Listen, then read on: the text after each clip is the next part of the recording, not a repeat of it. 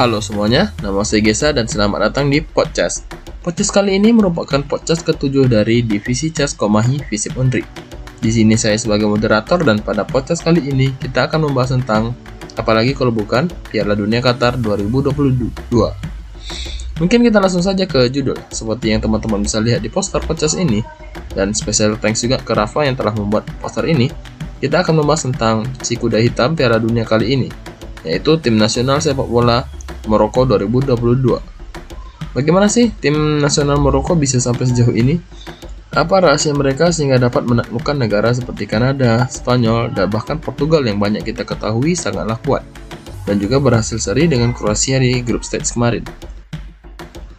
Jadi di sini saya menggunakan channel YouTube VOX dan Instagram microblogger Strusti untuk menjawab pertanyaan saya. Yang pertama adalah sebagian besar pemain Maroko berasal dari bukan Maroko.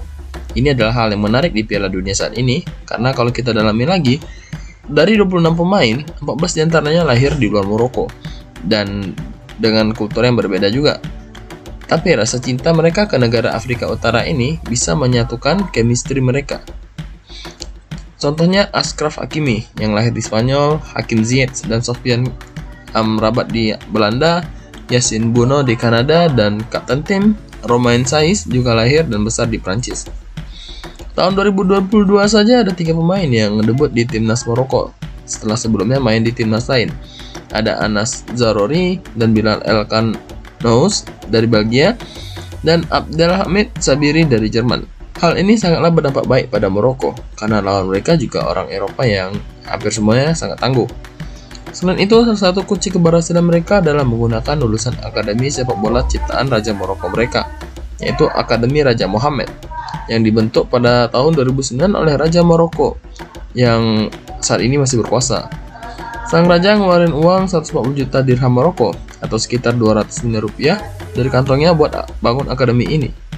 Akademi ini ditujukan buat anak umur 12-18 tahun, termasuk mereka yang suka main di jalanan, yang tentu saja ditujukan untuk meningkatkan uh, kualitas bermain sepak bola dari negara Maroko ini. Dan tentu saja uh, standar pelatih mereka sudah standar FIFA. Dan di dalam squad Maroko ini ada tiga lulusan Akademi Raja Muhammad ini. Ada Azedi Ohani, Nazef Agoret, dan Yusuf N. Nesri yang mencetak gol melawan Portugal kemarin.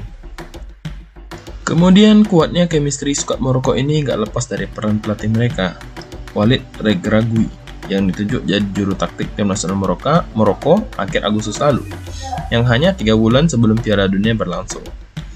Walid dulunya juga pemain bola, aktif dari 1998 sampai dengan 2009. Berposisi back kanan, dia mempunyai 45 caps di timnas Maroko. Walid adalah bagian dari skuad Maroko yang jadi runner-up di Piala Afrika 2004 kemarin. Pada 2012, Walid sempat jadi asisten rakit Tausi di timnas Maroko selama setahun. Namanya mulai mencuat waktu ngelatih FUS Rabat dan juga Liga Maroko 2015 dan 2016. Walid dikenal sebagai pelatih yang dekat dengan pemain. Dia orangnya juga percaya diri banget dan selalu nge-backing pemain. Soal taktik, pelatih kelahiran 1975 ini mempunyai tiga idola, yaitu Pep Guardiola, Diego Simon, dan Carlo Ancelotti beberapa tahun terakhir ia condong mengembangkan taktik pragmatisnya yang seperti kita bisa lihat hasilnya di Piala Dunia ini cukup bagus. Sejauh ini Maroko adalah tim dengan rataan penguasaan bola terendah kedua di Piala Dunia. Setelah Costa Rica tentu ya. Dari lima laga rata-rata cuma 31,5%. Taktik mereka adalah bertahan dan eksploitasi error dari tim lawan. Atau bisa dibilang defender, defend-defend sampai blunder.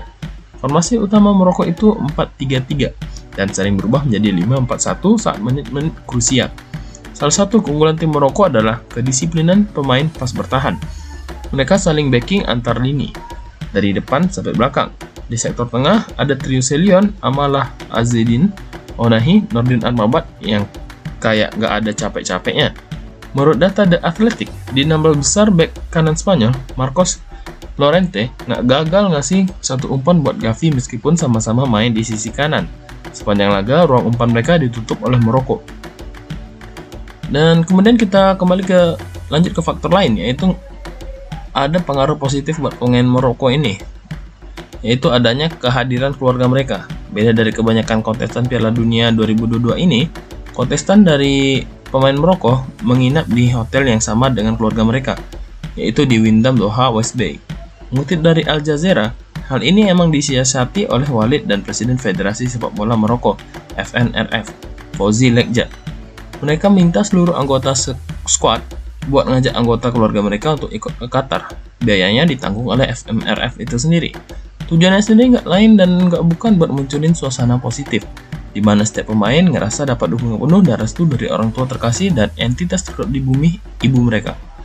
Akhirnya pemain mendapatkan suasana nyaman dan kaya di rumah, bahkan dan juga si Walid juga membawa si ibunya. Faktor selanjutnya adalah dukungan para fans. Data dari Guardian bilang kalau seenggaknya ada 50.000 supporter Maroko di Qatar sekarang. Pas laga lawan Spanyol, tadi malam aja kurang lebih 80% kapasitas stadion Altumana diisi oleh fans Maroko. Emir Qatar sendiri, Sheikh dari Ta Sheikh Tamim bin Hamad Al Thani, mengatakan kalau negara-negara Arab ini mendukung Maroko dia ikut pantau laga Maroko yang melawan Portugal kemarin. Kemudian dukungan Maroko lalu menjalar ke seluruh dunia, termasuk juga ke Indonesia. Because we all love a good underdog story, right? Kita juga dibuat familiar dengan tagline Dima Maghrib, yang berarti Maroko selamanya. Maghrib diambil dari nama asli Maroko yaitu Al-Maghrib. Kemudian saya mengambil quote dari Walid sendiri. Sumpah, kalaupun dukung kami nggak di sini, kami nggak bakalan lolos ke 16 besar. Sebelumnya cuma ada orang Maroko yang dukung kami, sedangkan penonton Afrika dan Arab ikut juga kasih dukungan. Walid Nagroni dilansir dari CNN.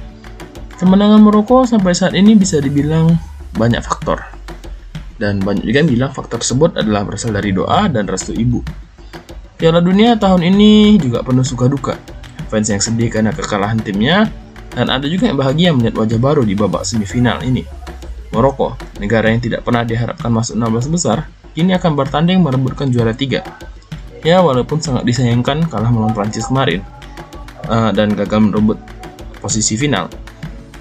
Perjuangan tim Maroko hingga saat ini telah banyak merebut hati para fans, termasuk fans dari Indonesia. Tetap semangat untuk tim Maroko dan sampai jumpa di podcast selanjutnya.